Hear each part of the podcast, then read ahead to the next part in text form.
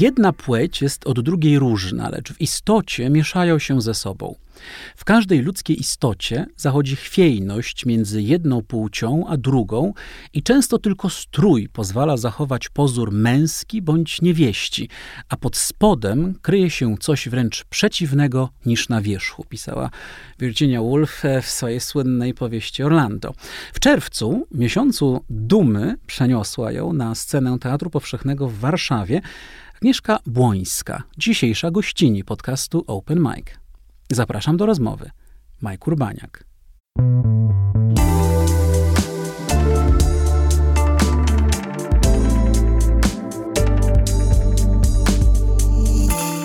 Jak powiedziałem, tak i jest. Jest ze mną Agnieszka Błońska, reżyserka spektaklu Orlando w Teatrze Powszechnym w Warszawie. Dzień dobry, Agnieszko. Dzień dobry. Y, rozmawiamy, to musimy zaznaczyć od początku, rozmawiamy jeszcze przed premierą, nagrywamy naszą rozmowę jeszcze przed premierą y, spektaklu, więc nie możemy y, powiedzieć osobom nas słuchającym o spektaklu, w sensie o naszych wrażeniach ze spektaklu, ani ja, ani Agnieszka. Tak, tak. Chociaż ona jest bardziej zaangażowana w jego powstanie, aniżeli ja. Ale możemy opowiedzieć o planie, y, o tym, dlaczego ten spektakl powstaje, któż w nim bierze udział i właściwie dlaczego ten, a nie inny tekst y, wędruje, y, zawędrował właściwie, bo to już będziemy już po czerwcu, w miesiącu dumy na deski Teatru Powszechnego w Warszawie. I to by było właściwie, mm, Agnieszko, moje pierwsze pytanie. Wiesz, pierwsze pytanie, dlaczego? Bo to jest zwykle to pytanie, że dlaczego ktoś się decyduje E, wystawić dany tekst. I tak sobie pomyślałem, kiedy sobie zapisałem to pytanie, fundamentalne pytanie, dlaczego. Myślałem sobie, że strasznie głupie pytanie, bo szczególnie w czerwcu. W miesiącu e, dumy. W miesiącu dumy, y, ale też w czasie, wiesz, w którym y, w Polsce zaczęło powstawać naprawdę, jak na Polskę powiedziałbym, sporo spektakli w ogóle o szeroko pojętej tematyce queerowej. I ten spektakl się w to wpisuje, co mnie szalenie cieszy i zaraz powiesz mi dlaczego, dlaczego teraz, dlaczego, dlaczego ty, dlaczego to, ale nie, może, nie mogę tego nie odnotować, wiesz, na początku naszej rozmowy, bo przez lata, chociaż funkcjonował termin homolobby, słynne o polskim teatrze. Ja nie miałem żadnego poczucia homolobby w polskim teatrze. miałem poczucia heterolobby, ponieważ niezmiennie większością teatrów kierują y, starsi heteroseksualni panowie. Tak y, I nie miałem żadnego poczucia homolobby, naprawdę. Nie wiem, czy ty, ty chyba podobnie. Podobnie. no właśnie, chociaż ten termin funkcjonował. Tymczasem w tym sezonie, który właściwie się kończy, koń, skończył, kończy, y, co najmniej kilkanaście premier queerowych. Ja sporo z nich widziałem w bardzo różnych miastach. I w Szczecinie, i w Gdańsku, i w Poznaniu, i w Warszawie, i w Krakowie. I w Krakowie. Naprawdę y, sporo się w tej materii dzieje. I chciałem cię zapytać właściwie o ten zeitgeist. Czy to jest no właśnie, czy, czy, czy zabrałaś się za tę robotę i postanowiłaś e, wziąć się za ten, a nie inny tekst, bo e, w związku z zeitgeistem, w związku z tym, że w, w sercu nosiłaś długo ten tekst i teraz nastąpił, wiesz, możliwość jego zrobienia. Dlaczego, dlaczego teraz? Dlaczego to? No, ja myślę, że przyczyn jest kilka. Znaczy, odwołując się do tego zeitgeistu, myślę, że to jest e, świetne, że tak się dzieje. Absolutnie. I że to jest odpowiedź na naszą rzeczywistość społeczną, polityczną, e, w której żyjemy. Teraz myślę o naszej rzeczywistości polskiej, ale to też wykracza poza Polskę, bo e, ta narracja antygenderowa jest uprawiana przez wielu polityków, w tym e, Putina. Mhm. E, więc e, to, że taki ruch społeczny e, i artystyczny, i kulturowy w opozycji do tych narracji politycznych ma miejsce, jest świetne. I, i, i myślę, że właśnie tak. E, że w tą stronę. Zmienia się też tak, jak obserwuję, no może powiem jakiś banał, ale jak obserwuję media, filmy, narracje, wiesz, Netflixowe, serialowe. Mm -hmm to jest gorący temat. E, I jakiegoś rodzaju rewolucja, tak mi się wydaje, że się dokonuje i pewnie po prostu ten jest nasz jest częścią tego i teraz myślę o takim, o, o większym kulturowym e, kontekście niż tylko polski. Mhm. A wiesz co, teraz przepraszam, że ci wejdę w słowo, przyszła mi jedna rzecz do głowy, mianowicie lat temu, hmm, może ze 3-4, y, miałem pomysł na y, fajny queerowy spektakl. Nie w sensie, że ja bym miał go robić, nie, nie, nie, ale miałem pomysł i zwykle sprzedaję go zaprzyjaźnionym różnym reżyserom i sprzedałem właśnie jednemu reżyserowi, zresztą gejowi. Powiedziałem, słuchaj, y, to jest genialne, y, to będzie hit, słuchaj, to trzeba iść tu, tu i tu uderzyć. I ten, y, że reżyser uderzył do różnych teatrów, a odbił się, odbił się od, od drzwi. Ale co ciekawe, w jednym teatrze, powiem ci, jak już nie będziemy przy mikrofonach, usłyszał, y, daję, daję ci słowo, usłyszał, że że to jest niszowe, my nie będziemy zajmować się, bo nikt nie będzie przychodził na spektakle o, o, o tym środowisku. Mm. Że to jest mm. niszowe, to jakieś środowisko, no to nie wiem, no, no może jak wszyscy nawet przyjdą z tego środowiska, no to mm -hmm. i tak mhm. może, nie wiem, trzy razy zagramy z tego, dla tego środowiska. Wiesz, A kiedy to było? E, no, trzy, cztery lata temu. E, ale i teraz mi to przyszło do głowy, jak mówimy o tym Zeitgeistie i, i, i o tym, co powiedziałaś, że naprawdę mam takie poczucie, wiesz, że jeszcze ze trzy, nawet trzy lata temu to w ogóle byś się też odbijał tak. od, drzwi dyrektorów e, teatrów. I tutaj na, w tym sensie no, tak. następuje z różnych pewnie przyczyn, ale ta zmiana e, jednak następuje. Jednak nie? następuje. Wiesz, ja myślę teraz, przy, przyszły, przyszedł mi do głowy język. Mhm. Jak, jak język się zmienia. I y, mieliśmy taką rozmowę w trakcie prób o terminie osoby. Mhm. Używania terminu osoby i myślę sobie jakoś tak, y, to nie mam, nie mam tego głęboko przemyślanego, ale tak jak sięgam pamięcią wstecz yy, i przypominam sobie spędzanie czasu, wakacji z osobami, z którymi jestem zaprzyjaźniona yy, dwa lata temu, mhm. to wtedy jednak brzmiało jakoś sztucznie, jakoś na nowo się trzeba było uczyć tego, a w tej chwili wydaje mi się, że yy, ten termin wkracza do języka już e, pełnoprawnie. To znaczy, że coraz więcej osób go używa mhm, tak. i on zaczyna się osadzać. Więc nie wiem, czy to jest dobre porównanie, ale gdzie, że gdzieś jakaś zmiana następuje w myśleniu, w uwadze na, na osoby, na, mhm. e, na poczucie osób. Mhm. E, więc to chyba też jest, język jest chyba dobrym e, takim wyznacznikiem tego. Na pewno ma wpływ, nie da, nie da się tego ukryć. Zgadzam się z tobą, ale też tak sobie pomyślałem, że może dyrektorzy doszli do takiego wniosku, że to jest wstyd nie mieć w repertuarze. Wiesz, czegoś, no. co jednak jest tematem, no, funkcjonuje po prostu, wiesz, no kiedy, wiesz jak to było, no, parę lat temu, no, było trzech gejów publicznych w Polsce, wykamiełowanych w telewizorze tak. i, wy, i, udzielali wywiadu tak. w Vivie i byli Dzień dobry TVN, no i jakby na tym to, y, wiesz, się kończyło. A dzisiaj mamy osoby nieheteronormatywne, które naprawdę są w naszym otoczeniu, jakby mówię tu ogólnie, że tak powiem, bo sam tak. jestem taką osobą, nie? Ale wiesz o co chodzi, że po prostu one są. Tak. Są, funkcjonują. To, co mówisz, w Netflixie, seriale, właściwie dzisiaj jest to normą, prawda? Tak. Ym, nawet wspaniały jak oglądałem... Wołg czerwcowy, wspaniałe wydanie Wołga czerwcowego. Absolutnie wspaniałe, zresztą mm -hmm. już mhm. kolejny raz ym, tęczowy Wołg, ale akurat jeżeli chodzi o, o Wołga, to tutaj problemu nigdy nie było w tej materii, trzeba powiedzieć, bo to bo Wołg zawsze był oczywiście otwarty na, na queerową społeczność, ale wiesz, mówię o tym, że na przykład widziałem ten ostatni e, Park Jurajski, e, który wszedł w czerwcu do kin, ponieważ kocham dinozaury. E, I tam, I tam jest też zresztą cudownie podana lesbijka, mhm. pilotka, genialna. I pomyślałem sobie, śmiałem się z moimi przyjaciółmi, że mówię, patrzcie, w Parku Jurajskim nawet przyszedł czas, żeby jednak zaznaczyć, że jest taka osoba, prawda, która niekoniecznie musi być heteroseksualną kobietą, wszędzie i zawsze. Więc tak. w tym sensie to jest ciekawe, jak ktoś tak no właśnie tak, tak, tak roznosi cudownie, że tu, tam, siam, tam. No i teatr właściwie się okazuje, nawet nasz teatr prowadzony przez białych, heteroseksualnych, starszych mężczyzn. Pozdrawiamy oczywiście Pawła Łysaka, dyrektora Teatru Powszechnego. I Pawła Sztarbowskiego. I Pawła Sztarbowskiego, tak. młodszego. Tak. młodszego. E, żartujemy sobie, ale jest coś, nie? Jest coś na rzeczy. Tak, e, tak. I teraz wracając do twojego pierwszego pytania, dlaczego ten tekst i, i, i, i skąd y, ten pomysł?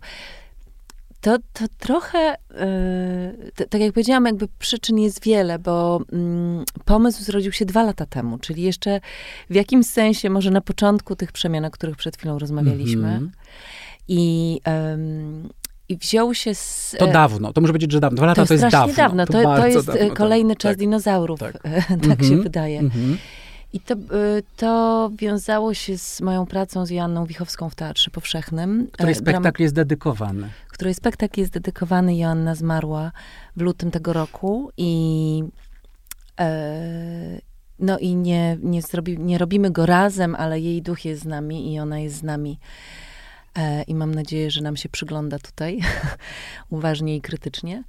E, natomiast z Joanną zrealizowałam e, Mephisto e, na dużej scenie mm -hmm. w mhm. Teatrze Powszechnym w 2017 roku i w 2019 Diabły. I już przy Mephisto pojawił się taki pomysł, wiesz, diabelskiej trylogii. Mephisto, to jak bardzo pokrótce powiem dla tych, którzy nie widzieli, no to jest opowieść, też spektakl był inspirowany filmem i książką, podobnie jak z Orlando i o tym samym tytule Mephisto. I to jest pokrótce mówiąc opowieść o, o aktorze, który, który mierzy się z e, faszyzmem dochodzącym do władzy. E, czyli jakby już pojawił się temat napięcia między władzą a, e, a doświadczeniem osób, w tym wypadku aktorów w teatrze. I, i od Mephisto jakoś zrodził nam się taki pomysł, a, a stwórzmy sobie trylogię diabelską, właśnie w, e, w dialogu z tą władzą, z tą rzeczywistością na zewnątrz e, i z doświadczeniem osobistym i, i, i jak nasze doświadczenia osobiste są upolityczniane i jak są e, sterowane z, z góry, albo mogą być, i jak, jak, jak my na to możemy reagować, jak możemy się do tego odnosić. Mhm. I kolejnym spektaklem e, okazały się Diabły, no więc już bezpośrednio w tytule można się domyśleć, że e, kontynuowa kontynuowałyśmy diabelskość. I po Diabłach, jakby myślowo, Diabły znowu były, dotyczyły tematyki e, kolonizacji kobiecego ciała, kobiecej przyjemności, E, i, i tych wszystkich diabłów, które siedzą w kobiecych ciałach. E, tam już pojawiły się zabawy e, nasze językiem, właśnie w, w szukaniu i, i, układaniu się wobec rzeczywistości jednego aktora, który, mężczyzny, który występuje w spektaklu, który od czasu do czasu rzuca formę żeńską.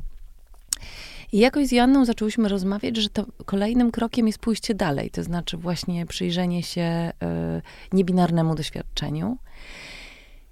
I Joanna podrzuciła tekst Orlando. Mówi, słuchaj, po prostu musimy zrobić Orlando, to, to aż się prosi. Mhm. Ja trochę tutaj, e, można by z tą diabelskością dyskutować i nie wiem, czy trochę jednak nie odeszłyśmy od tej diabelskości, ale stąd się pojawił pomysł Orlando. A ja, y, ponieważ przyjaźnię się z grupą osób nienormatywnych, od razu miałam e, myśl, że możemy to tylko robić, jeżeli zaprosimy te osoby do współpracy, do występowania, do ekspertyzy, do współtworzenia spektaklu. I to też jest coś, trzeba powiedzieć, całkiem świeżego, relatywnie świeżego, prawda? Nie, nie czy w twoim teatrze, czy w teatrze w ogóle, czy w powszechnym teatrze, ale relatywnie tak, no bo tak sobie myślę, wiesz, że no, dekadę temu nie? Nikt nawet nie zawracał, może nie nikt, ale wiele, wiele osób nie zwracało w ogóle na takie rzeczy uwagi. To znaczy, że. Mówisz teraz o partycypacji. O partycypacji osób. i w ogóle o widzialności i uczestniczeniu. Jakby jeżeli mówimy o osobach z niepełnosprawnościami, to dobrze by było, żeby osoby z niepełnosprawnościami były w tym projekcie. I tak dalej, i tak dalej, nie? Że szczególnie w filmie, nie? To się dzisiaj zupełnie tak. y, zaczyna zmieniać. Też jest tak. ciekawa taka właściwie metamorfoza, którą przechodzimy od, od kilku lat. Tak, myślę, że tak, że w filmie to się zmieni, ale jak mówisz o tym w teatrze, to, yy, to, to wraca do mnie Instytut Teatralny Zamaćka Nowaka i mhm. e, i prace, prace y, właśnie takie polityczno-społeczne, które odwoływały się do reprezentacji i zapraszały osoby nie, y, niekoniecznie profesjonalne, y, aktorskie do pracy nad spektaklami. Ja mhm. byłam jedną z stwórczyń wtedy przy tym, w tym, przy tym gronie Maćka Nowaga, wtedy Rafał Urbacki e, pracował. Też nieżyjący, niestety. Justyna Sobczyk zaczynała e, pracę wtedy też, więc e, myślę, że, że że to było obecne w teatrze. Jakoś od tej partycypacji trochę może odeszliśmy, aczkolwiek Teatr 21 jest wspaniałym tutaj przykładem kontynuacji takiej Absolutnie. pracy. Teatry, tutaj do, zrobimy tylko przypis, w którym grają, występują osoby z zespołem Downa, ale też z, chyba ze spektrum, prawda? Nie tylko z, oso- nie tylko z, z zespołem Downa. Ale tak, to tak, ale właśnie mam takie poczucie, że to trochę był taki margines. Wiesz o co chodzi? Że, przez, że to było oczywiście, ale gdzieś e, właśnie w mniejszych rzeczach, w mniejszych projektach, a ja tymczasem właśnie tak sobie myślę o takim, wiesz, naprawdę Tak. mainstreamie, wejściu mainstreamowo, nie? Tak, myślę, Takiego myślenia. Bardzo ciekawe, e, ja, e, jak o tym. Cieszę się, że w ogóle o tym rozmawiamy i to jest ciekawe, co mówisz, bo faktycznie wtedy, w tamtych czasach, ja mówię teraz, to jest jakiś rok 2007, 8, 9 i Mówimy, tak jakby to było przed pierwszą wojną To, to już się w ogóle, już nie Mhm. wiadomo ja- jakie Mhm. czasy. Natomiast e, wtedy faktycznie e, Maciek miał taki pomysł, żeby przenosić te początki projektów czy pomysłów do teatrów instytucjonalnych i faktycznie to się odbijało od drzwi. Od drzwi. Mhm. I nie było na to przestrzeni i chyba dlatego to zostało w marginesie, że na to nie było wtedy przestrzeni czy gotowości. No sama I- dobrze o tym wiesz, bo sama e, tak, Tak. zwanych prawdziwków przecież nieraz e, zatrudniałaś do swoich e, spektakli. Używam tego, bardzo lubię ten termin prawdziwki, czyli osoby, właśnie no, prawdziwe osoby, które nie są, profe, nie, nie są profesjonalnymi aktorami zatrudnionymi w danym teatrze, tylko w zależności od projektu i tematu, osoby, które są zaproszone z zewnątrz, bo w taki czy inny sposób jakby właściwie powinny ten projekt współtworzyć, bo jest o Tak. nich. No właśnie. Mhm. I, em, no i oczywiście stają się aktorami tego I projektu. wtedy żeby- stają się aktorami. I, i, I tak, są aktorami w danym projekcie, żeby też unikać takich, zawsze się boję takich em, rozwarstwień, wiesz, co, co jest ofowe, co nie jest ofowe, co jest e, em, Profesjonalne, co profesjonalne, co amatorskie. nieprofesjonalne. No to jest Mhm. jakieś bardzo, Mhm. tak, e, jakieś takie absurdalne w sztuce, szczególnie wydaje mi się, może być absurdalne. Natomiast em, faktycznie tutaj dla mnie to też jest jakiś powrót do pracy z e, osobami zapraszanymi, bo obydwa spektakle, o których mówiłam wcześniej w Teatrze Powszechnym, były z, z aktorami profesjonalnymi z zespołu. Natomiast tutaj e, pojawiła się gotowość i, i w teatrze, i w dyrekcji, i w całym zespole teatralnym tak naprawdę, no bo przecież e, wszyscy współtworzą spektakl. Teraz montujemy się do premiery i pracujemy przecież i z techniką, i z e, montażystami. Więc e, pojawiła się taka gotowość i wydaje mi się, że udało nam się stworzyć zespół. Ten proces jest dosyć długi, bo pracujemy prawie trzy miesiące. I, I mam wrażenie, że udało się stworzyć zespół właśnie z osobami zaproszonymi z, i z aktorami Teatru Powszechnego, e, którzy, teraz zacytuję Lulę, stają się jakby jednym ciałem e, w tym spektaklu. Mhm. Ale wydawało mi się to bardzo ważne, wracając do reprezentacji, żeby pracować z osobami, które mają to nienormatywne, niebinarne, LGBT, em, tęczowe, jakbyśmy tego nie nazywali, doświadczenie e, i, e, i współtworzą ten spektakl. I, i, I ich obecność szalenie wpływa na to, jak pracujemy, jak ten spektakl powstaje i dla mnie to jest też ogromna nauka i ogromna e, taka właśnie nauka oddawania pola, wiesz, em, Mhm. Na wielu poziomach. Mhm. No, y, Lulla y, y, opowiadała, znaczy wspominała już, bo rozmawialiśmy akurat tutaj również w, w ramach podcastu Open Mic, była y, moją gościnią, czy też Andrzej był moim gościem, y, kto jak woli y, i była podekscytowana bardzo. Mówi, nie wiem, czy mogę powiedzieć, ale właśnie w powszechnym chyba będę w moim teatrze, właśnie w dzielnicowym teatrze Luli. Ale Lulla jest doskonale znana na pewno czytelnikom, czytelniczkom Woga, to jest gwiazda absolutna dzisiaj i żywy dowód na to, że życie zaczyna się jednak po 80 jak się Tak. okazuje. I to jest absolutnie cudowne obserwowanie tego, ale nie tylko Lulla e, jest e, mm, zaproszona. Kogo jeszcze, powiedz, zaprosiłaś z, poza zespołu Stałego Teatru Powszechnego do, do, do tego spektaklu, do Występ- współtworzenia go? Występuje z nami performerka Filipka Rutkowska, Anu Czerwiński, który y, też tworzy wideo przy spektaklu. Anu Czerwiński niedawno debiutował też w filmie, y, jak wiemy. I w teatrze również, I w bo i w teatrze nowym również, teatrze, tak. Tylko nie na scenie w tak, teatrze. tak, tak, tak. Mhm. Mhm. Ale w nagraniach, a teraz na scenie też. Mhm. I Pepe Lepiuk, e, który e, jest i, i występuje u nas, ale też współtworzy e, set DJ-ski. I Karolina Kędziora-Welwyrodna, która też współtworzy set DJ-ski. Mhm. Okej. I e, oczywiście aktorzy, aktorki zespołu stałego. Tak, to, to em, powiem, występuje em, z nami Arkadiusz Brykalski, Klara Bielawka, Marysia Robaszkiewicz. No i tutaj mam taką em, niespodziankę, bo będzie występowała też Katarzyna Kozyra. Która nie jest aktorką na co dzień, aktorką teatru nie powszechnego. Na, nie jest na co dzień aktorką, ale jest, e, jak wiemy z jej prac, bywa performerką. Wspaniałą, jest wspaniałą, wspaniałą, ale to nie trzeba chyba nikomu mówić, wspaniałą, wspaniałą, niezwykle ważną polską artystką. E, cudowny zespół, wyobrażam sobie, że dzieje się na próbach, tak. ale powiedz mi jeszcze, e, bo, bo tak podejrzewam, że, e, bo Widzisz, już tak zamieszałem, bo chcę zadać trzy pytania naraz. Ale tak, mamy tekst, bo zaczęliśmy y, y, jednak od dzieła Virginia Woolf sprzed mhm. niemalże 100 lat, ale podejrzewam, wyprowadzaj mnie z błędu jakby co, e, że, że nie tylko ten tekst być może będzie wykorzystany w tym spektaklu, ale bo w takich, spek takich spektaklach bardzo często wykorzystuje się to, co tworzą osoby, które po prostu w nim są. No szczególnie w tym przypadku, kiedy masz takie cudowne osoby nienormatywne, wyobrażam sobie, że ich doświadczenie, czy to, co oni, e, co oni one chcą powiedzieć z serca, również może być uwzględnione. Czy to jest dobry trop, czy, czy, czy, czy trzymacie się Mm, mocno tekstu um, Virginia Woolf. Powiedz. Nie, jest dokładnie tak, jak mówisz. w jakimś sensie odpowiedziałeś też sobie na pytanie. To dziękuję bardzo moim gościem. E, tekst Virginia Woolf, no, wspaniały tekst, bo wizjonerski e, w swoim czasie z 28 roku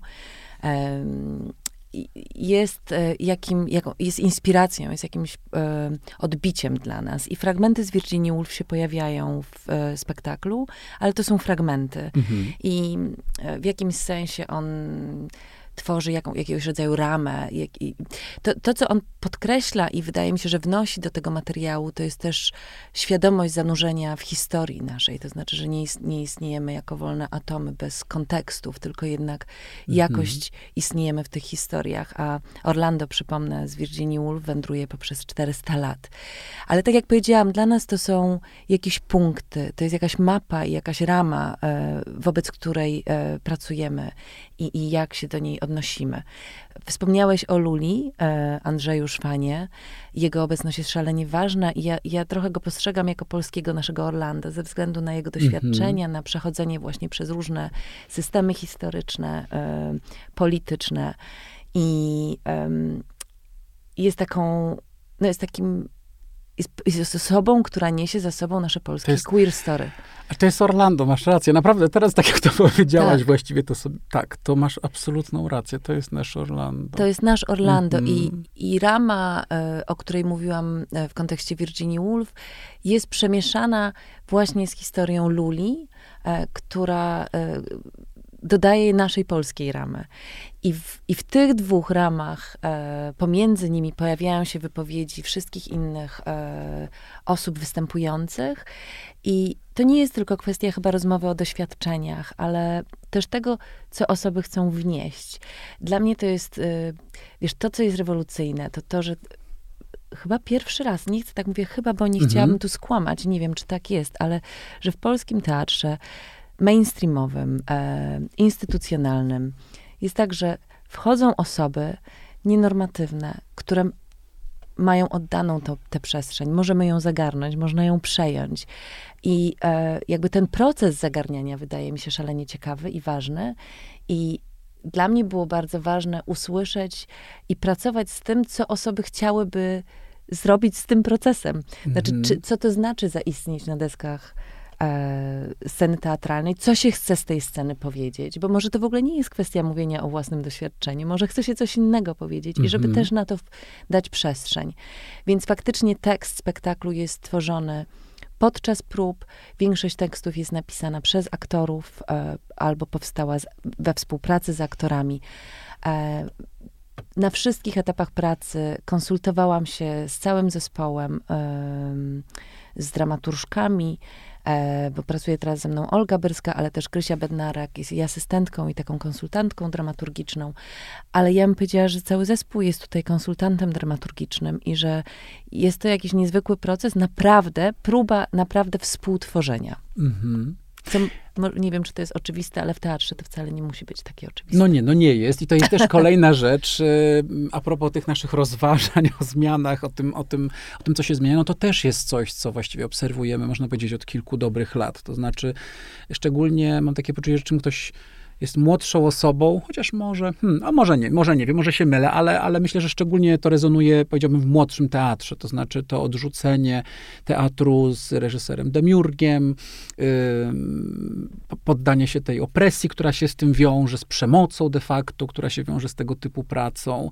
Yy, I w tym sensie też to jest taka praca, no wiesz, która jakby tak wy, wy, wypycha ten stary teatr, tak, nie? Tak. To jednak to już nie ja, ja, ja, ja, ja, tak. jedna czy jeden, ale że zespół. I, i to, to, też miło jest obserwować. Mówię to z punktu widzenia osoby, która zajmuje się teatrem, właściwie go oglądając i pisząc o nim, czy mówiąc, że to jest też cudowne, kiedy się obserwuje mm, te zmiany. To też jest, obserwowanie tej zmiany jest bardzo tak. przyjemne. E no wiesz, i tutaj bym powiedziała, że jeszcze w kontekście rozmowy o queerze, mhm. znaczy w ogóle to też jest, wiesz, dobre pytanie, czy queer w ogóle jest w teatrze instytucjonalnym możliwy i czy jakby z założenia e, wchodząc na deski mhm, tak, sceny teatralnej od razu nie, nie, go nie tracimy, ale że pracując właśnie z osobami... Odsyłamy do Odmieńczej Rewolucji tak. Joanny Krakowskiej, znakomita lektura, bardzo pouczająca w tej materii, przepraszam. Mhm. Tak, nie, ba bardzo słusznie mhm. wspomniałaś o tej książce, i, ale pracując z osobami queerowymi, wiesz, e, i mówiąc o hierarchii, te,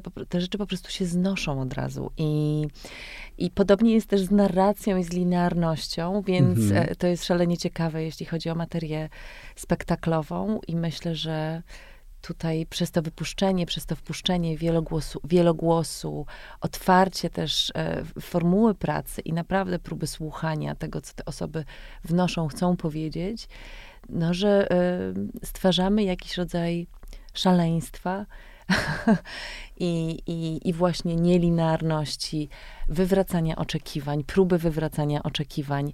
No a co z tego wyjdzie, to ja się dowiem za parę dni.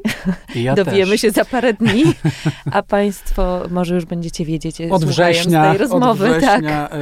y, mogą już y, tak rezerwować bilety w Teatrze Powszechnym. A, a propos Teatru Powszechnego, bo wiesz, to jest y, miejsce specyficzne polskiej scenie teatralnej, bo teatr, który mm, z, bardzo jasno i głośno zadeklarował, którą stronę chce wędrować ze swoim hasłem, teatr, który się wtrąca, z tą historią, która wiąże się z tym teatrem. Mówię tutaj o dyrekcji Pawła Łysaka i Pawła Sztarbowskiego, uchodzi za instytucję lewicową, instytucję niezwykle postępową, otwartą w tej materii. to jest y, ta praca nad tym konkretnym spektaklem w tym konkretnym teatrze. To, to ma aż takie znaczenie? To jest pytanie takie, czy mógłby ten spektakl powstać z powodzeniem też w zupełnie innym miejscu. Wiesz, są teatry, jak wiemy, wszyscy to wiedzą, bardziej postępowe, bardziej konserwatywne, takie, śmakie, różne mają profile, różny mają repertuar. Wiemy to, nie odkrywamy Ameryki. Czy, czy ten spektakl to jest spektakl możliwy tylko w tym teatrze, czy wcale niekoniecznie?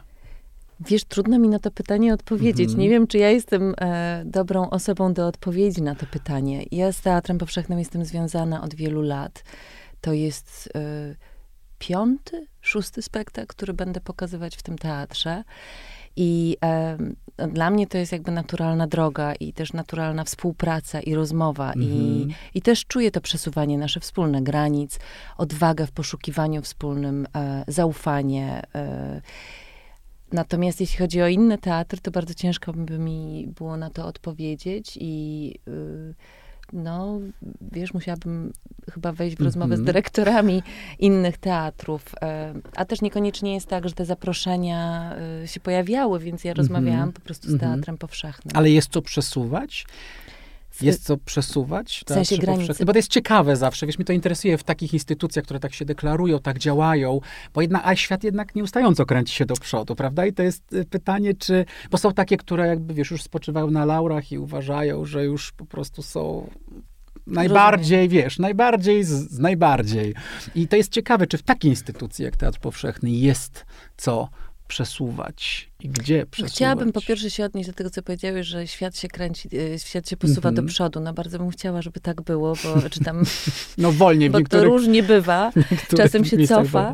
Mm -hmm, Natomiast mm -hmm. jeśli chodzi o mhm. teatr powszechny, ja myślę, że to, co się wydarzyło e, fantastycznego przy okazji tego projektu, odbyły się szkolenia antydyskryminacyjne dla całe, całej instytucji, więc to przesuwanie granic, no bo są różne granice, o różnych granicach możemy rozmawiać, ale myślę, że przyglądanie się instytucji kultury z punktu widzenia szkoleń, przez które przechodzą pracownicy, szkoleń antydyskryminacyjnych, z uwagi na je, uwagi, wprowadzania uwagi na język, myślenia o języku, tego, jak się do siebie zwracamy, jak ze sobą um, współpracujemy um, i tego, jak różne osoby mogą tworzyć sztukę w e, danej instytucji, myślę, że to jest fantastyczne i że to jest konkretna zmiana. Znaczy przejście takich szkoleń to jest konkretna zmiana. Mam nadzieję, że... Żeby nie powiedzieć dobra zmiana. tak, to jest, takiego sformułowania unikamy. Natomiast bardzo bym się cieszyła, gdyby takie szkolenia e, zdarzały się w każdej instytucji kultury. Mm-hmm. W ogóle instytucji. Mm-hmm. Czego im życzymy. O, wiesz, jest backlash. Mam takie poczucie, że jest taki, że też e, w wielu sprawach związanych w ogóle z queerowością jest też, a propos tego kręcenia się nieustannie do przodu, że jest backlash. Ciekawy jest ten, obserwuję go, do nas, nie wiem, czy do nas dotarł, bo my jesteśmy tutaj już w ogóle w 1928 roku, e, mam poczucie nieustające, ale na, na Zachodzie w, niezwykle silny w stosunku do osób trans. To jest e, bardzo ciekawe zjawisko, jakieś dziw, dziwaczne też. Y, obrywają w mainstreamie osoby trans, w komicy, znani stand-uperzy, którzy są w ogóle liberalni, lewicowi, wybierają sobie też y, y, osoby transpłciowe na cel swoich żartów różnorakich, ale w ogóle takie dyskutuje się bardzo dużo Y, afery polityczne się wokół tego toczą, to, o, o toalety, o to, siam to, y, y, o, o, o tranzycję, o blokery, wcześniej, później. Krótko mówiąc, widać, że na Zachodzie jest jakiś taki tumult z tym związany. Wiesz, jakieś ostatnie badania Bill Maher, który, którego show bardzo lubię na HBO, pokazywał badania, z których wynika i jaka ilość nastolatków identyfikuje się właściwie jako osoby nie, nienormatywne. I jest taka, wiesz, tak to są takie schodki. I on oczywiście tam żartując sobie z tego mówi, no, że jak tak dalej pójdzie, to w 2050 roku jakby zostaną cztery heteroseksualne osoby, które, e, które są normatywne. E, i, I to też widać ten wzrost. E, niektórzy mówią, że to jest moda, prawda? E, e słyszą kontrargumenty mówiące o tym, że to nie jest moda, tylko w końcu osoby, które nie są normatywne, no mogą właśnie. w ogóle no tak żyć. Nie, nie wybranych oczywiście częściach świata. Mm, jak na to patrzy? Czy to jest też częścią jakoś tej, tej, tej, tej opowieści e, i, i tego problemu, jaki mamy no, no właściwie z, z nienormatywnością. Widać go, nie? Że ludzie mają, ja już nie wiem jak mówić, czy ja mam mówić tak, jak, mam używać zaimków, o co to wszystko chodzi, dlaczego ja muszę mówić osoby, ja już nie wiem, czy to jest osoba trans, czy nie jest trans, czy trzeba przejść y, pełną tak zwaną, prawda, tą tranzycję, czy nie, wiesz, jakieś takie, widać wokół tego jakieś takie czarne, wielkie chmury, mam poczucie, wiesz, się zbierają w tej materii. Jak, jak je widać, widać z perspektywy waszych prób? E, wiesz co, no... Y tak, no to jest złożone, bo nie wiem, na ile to widać z perspektywy mhm. naszych prób. E, dlatego, że odchodziliśmy od y, zanurzania się w takiej tematyce cierpiętnictwa. I to bardzo mhm. wyraźnie osoby podkreślały, że, że już dosyć, że jest zmęczenie tym, że to też jest jakiś rodzaj tworzenia tej narracji wokół e, że się same w to zapętlamy. Że, tak, i że wszyscy tak cierpią i cierpią, że jakby od, od tego odchodziliśmy, więc... Czy afirmacja? Czyli raczej afirmacja, raczej emancypacja, raczej reprezentacja i tak dalej.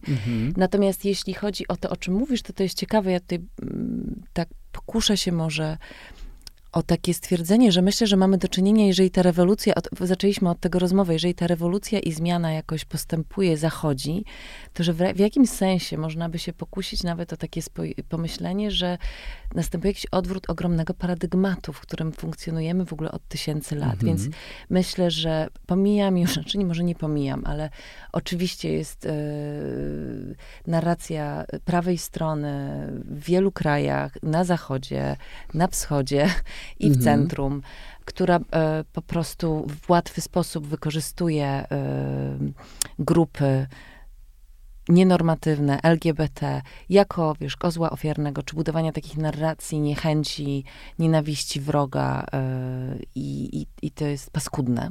Jest to obrzydliwe i, no ale niestety tak, w takiej rzeczywistości żyjemy, więc to, ja myślę, że te, te rzeczy ze sobą dyskutują, tak jak mówiliśmy na początku, to, że teraz e, też ten, z, z drugiej strony, jeden z na, to się pojawiło na próbach. Jeden z naszych e, osób występujących wspomniał, powiedział, ja to tak naprawdę chciałbym podziękować e, e, obozowi rządzącemu za to, że dzięki nim teraz parady są we wszystkich miastach. Nawet że dzięki, najmniejszych. Tak, nawet prawda. najmniejszych, że dzięki nim jesteśmy widoczni, jesteśmy Mhm. zwarci, gotowi i, Mhm. i e, zawiera, za- zabieramy głos. Że to jest jedno, ale drugie to myślę, że też takie niezrozumienie tematu, niewiedza, która jest e, wokół. I tak jak powiedziałam o zmianie paradygmatu, myśmy mieli spotkanie z endokrynolog e, w ramach e, prób z panią endokrynolog, panią Anną Tokarską. I ona zaczęła mówić o wielości płci. I z, z naukowego punktu widzenia to już jest potwierdzone, że nie, ma, nie jest tak, że jesteśmy binarni, że są dwie płcie. Jeżeli zaczniemy o tym myśleć w ten sposób, jeżeli zaczniemy rozszerzać e, te narracje pomiędzy binarnością i tym wszystkim, co jest pomiędzy, no to tak naprawdę mówimy o zmianie paradygmatu w myśleniu o rzeczywistości w ogóle. No tak, ale wiesz, to przecież jest my to wiemy historycznie, czy tylko nie chcemy tego wiedzieć. No, jest naprawdę to. bogata literatura w tej materii. Nie wiem, nawet taka książeczka, jak nie wiem, profesora Kuligowskiego, Trzecia Płeć. Naprawdę Oczywiście. przegląd dla najmłodszych, e, podejścia w ogóle do binarności czy niebinarności i w ogóle płci w najstarszych kulturach e, ze wszelkich szerokości geograficznych No świata. tak, no Naprawdę jakby nie, w- jesteśmy tutaj widzisz, Kolumbami. Jednak zaprzeczamy temu, że idziemy do przodu. Ja to już było. to już było. Ale ciekawe jest to, nie, że właśnie, że to, że to było. Że to było, dlaczego my jesteśmy tu, gdzie jesteśmy. No Wha- tak, znaczy- Why zadaję no. to pytanie, nie? Że Tak. to jest fenomenalne. I to jest To też frustrujące, mhm. ale wiesz, jakby naprawdę, Mhm. jak, jak myślę sobie też przez ten proces i przez tę pracę, jeżeli naprawdę otworzyć się na to i pójść dalej, to znaczy pójść za tym, okej, było, ale zapominamy, wiesz, jesteśmy jednak e, w, katoli- w katolickim kraju, gdzie ta narracja Kościół bardzo wpływa na, te, na nasze myślenie o binarności. Znaczy ma, kobieta i mężczyzna mają bardzo określone role i koniec. I, em, a, a, a okazuje się, że tak nie jest. To znaczy, że, że jest całe spektrum em, płciowości i, i, i myślę, że te lęki, które się pojawiają, znaczy wiesz, one się mogą też brać z niewiedzy i widzę po naszym procesie, ile ja się dowiedziałam, ile myśmy się dowiedzieli od siebie nawzajem i w jakim jesteśmy innym punkcie po trzech miesiącach takiego procesu. Mhm. Ale faktycznie, jeżeli się na to, o tym pomyśli rewolucyjnie, e, no to mówimy o takiej zmianie świata, y, jakiejś, można by pomyśleć, pokusić się o taką wizję nowego świata na zupełnie innych zasadach. Jest to Mhm. bardzo kuszące. To jest bardzo kuszące, ale właśnie tak sobie myślę trochę, że to jest właśnie nowy, stary świat, w tym sensie o, mówię o, tych, o, tym, mm, o tym podejściu w ogóle do tożsamości płciowych, seksualnych i tak dalej, które po prostu były wszędzie i które zostały, i to jest moje doświadczenie zdobywania wiedzy w tej materii, czy na przykład przygotowywania co tydzień wykładu w ramach y, projektu y, internetowego grupy Stonewall, Uniwersytetu Stonewall, kiedy ja, wiesz, szperając w kolejnych rzeczach, po prostu odkrywam rzeczy, których nie miałem pojęcia i, i, i- się dziwuję. I właśnie. potem y, to się zwykle kończy, ostatnio o Chinach y, przygotowywałem wykład i się okazało, że w ogóle homoseksualność była zupełnie naturalną, otwartą rzeczą w ogóle w Chinach. Przez te, to są tysiące lat jednak chińskiej cywilizacji i to są na to dowody, opisy historyczne i tak dalej. I wszystko się zmieniło, homofobia przyszła i ten podział właściwie przyszedł wraz z jezuitami. No właśnie. Jezuici przyszli właśnie. ze, ze Słowem Bożym. I, Tak. I to jest zresztą też doświadczenie e, kolonialne, to znaczy y, homofobię w ogóle i to właśnie binarne, hardkorowe podejście rozprzestrzeniły, no głównie Wielka Brytania, też Francja, Hiszpania, wraz z Kościołem, prawda? Oczywiście. Wędrując, od- podbijając, niszcząc wszystkie te kultury, które niszczyły, podbijały, kolonizowały, jednocześnie przynosząc to, z czym my dzisiaj właściwie musimy się mierzyć, wiesz? Tak. To jest ciekawe, nie? Tak, tak, tak. że wcale tak nie musiało być i tak nie było. I że my teraz, i, i że trzeba budować ten nowy świat, który tak naprawdę był być może właśnie tym starym światem, tylko my już w ogóle o tym nie pamiętamy, że tak mogło być. Tak, tak. No może zapowiedzią też jeszcze czegoś nowego, Mhm. ale e, tak, no i teraz jak, my, jak o tym opowiadasz, to tak z przykrością myślę o braku edukacji seksualnej w szkołach, Mhm, o, mhm. o w ogóle braku edukacji, bo to jest też y, uczenie się, wiesz, o queer story, o hair story, o chciałam w ogóle na polski to przetłumaczyć, o opowieściach o niej, o opowieściach o odmieńcach, mm -hmm. o, mm -hmm. o, o, o, myśleniu o literaturze inaczej, o sztuce, wiesz, no jednak zwracania uwagi na pochodzenia osób, na życia osób, że, że to jest bardzo zdominowane przez taką patriarchalną, to czegoś dowiadujemy z kultury, z historii e, w szkole, to jest bardzo zdominowane przez patriarchalne narracje. A nie, no to to już w ogóle jest hardcore, no, no szczególnie hardcore. dzisiaj, to jest absolutny hardcore. Ale to też, wiesz, to dalej funkcjonuje też w mainstreamie. Ja czytałem dosłownie kilka tygodni temu biografię Bogusława Kaczyńskiego, który jestem psychofanem e, i byłem taki podniecony tym, że w końcu jest biografia i że w końcu przeczytamy e, o Bogusławie Kaczyńskim, który nie jest gejem już siedzącym w szafie, tylko jednak przeczytamy również jego życiu w tej materii. No i okazuje się, że wszystko jest zakopane, ukryte i tak de, facto sfałszowane, więc ze no wściekłością bym tą książką rzucił. Niestety to był PDF, więc nie mogłem rzucić moim iPadem, ale to jest, wiesz, to, no, to jest 2022 rok, no i wychodzi, wiesz, biografia Bogusława Kaczyńskiego, w którym fałszuje się e, tę historię, kiedy dałem, dałem upust e, moim emocjom związanym z tą e, książką, to jeden z komentarzy, kocham właśnie go, bo to jest taki żelazny komentarz, pojawił się, ale co mnie obchodzi, kto z kim sypia? I to jest właśnie to, nie, że my nie zdajemy sobie, większość ludzi nie zdaje sobie sprawy, że, że to nie o to chodzi, że to nie jest to. Że no kiedy mówimy o osobach normatywnych, to czyjakolwiek by to była biografia, to, to żony, związki, kochanki, uczucia, wszystko to ma znaczenie. A kiedy przychodzi do osób nienormatywnych, okazuje się, że to jest prowadzone do tego, kto z kim sypia. No to jest wtedy nas nie obchodzi. No właśnie. I to jest kolejny temat, od którego mm -hmm. y mm -hmm. odchodzimy. Mhm, odchodzimy. Spektaklu, tak. Odchodzimy, ale przychodzimy na spektakl Orlando do Teatru Powszechnego w Warszawie. Muszę powiedzieć szczerze, że mimo tego wysypu, o którym powiedzieliśmy, mm, tych premier, y, queerowo około queerowych, czy zahaczających o tę tematykę, to muszę powiedzieć, że no, wyjątkowo przebieram nóżkami na y, tę premierę. Bardzo jestem jej ciekaw i, no i mam nadzieję, że też nasza rozmowa zachęciła osoby, które nas słuchają do tego, żeby no już po wakacyjnie, bo tak. wyemitujemy się w lipcu, um, ruszyć czym prędzej do Teatru Powszechnego w Warszawie, żeby zobaczyć spektakl pod tytułem Orlando, którego reżyserką jest e, Agnieszka Błońska, moja dzisiejsza gościni. Bardzo ci, Agnieszko, dziękuję za tę rozmowę. Ja też bardzo dziękuję, zapraszam wszystkich serdecznie, ale chciałam podkreślić, spektakl, e, tytuł spektaklu to jest Orlando Biografie. Orlando, bo też to jest e, tytuł um, oryginalny tytuł powieści. Tylko to jest Orlando biografia, a u nas jest e, ze względu na wielogłos i na wielość Orland, mm -hmm. jest to Orlando biografia. Orlando biografie w Teatrze Powszechnym w Warszawie czekają e, na was od września. Dzięki wielkie i do usłyszenia. Dzięki wielkie.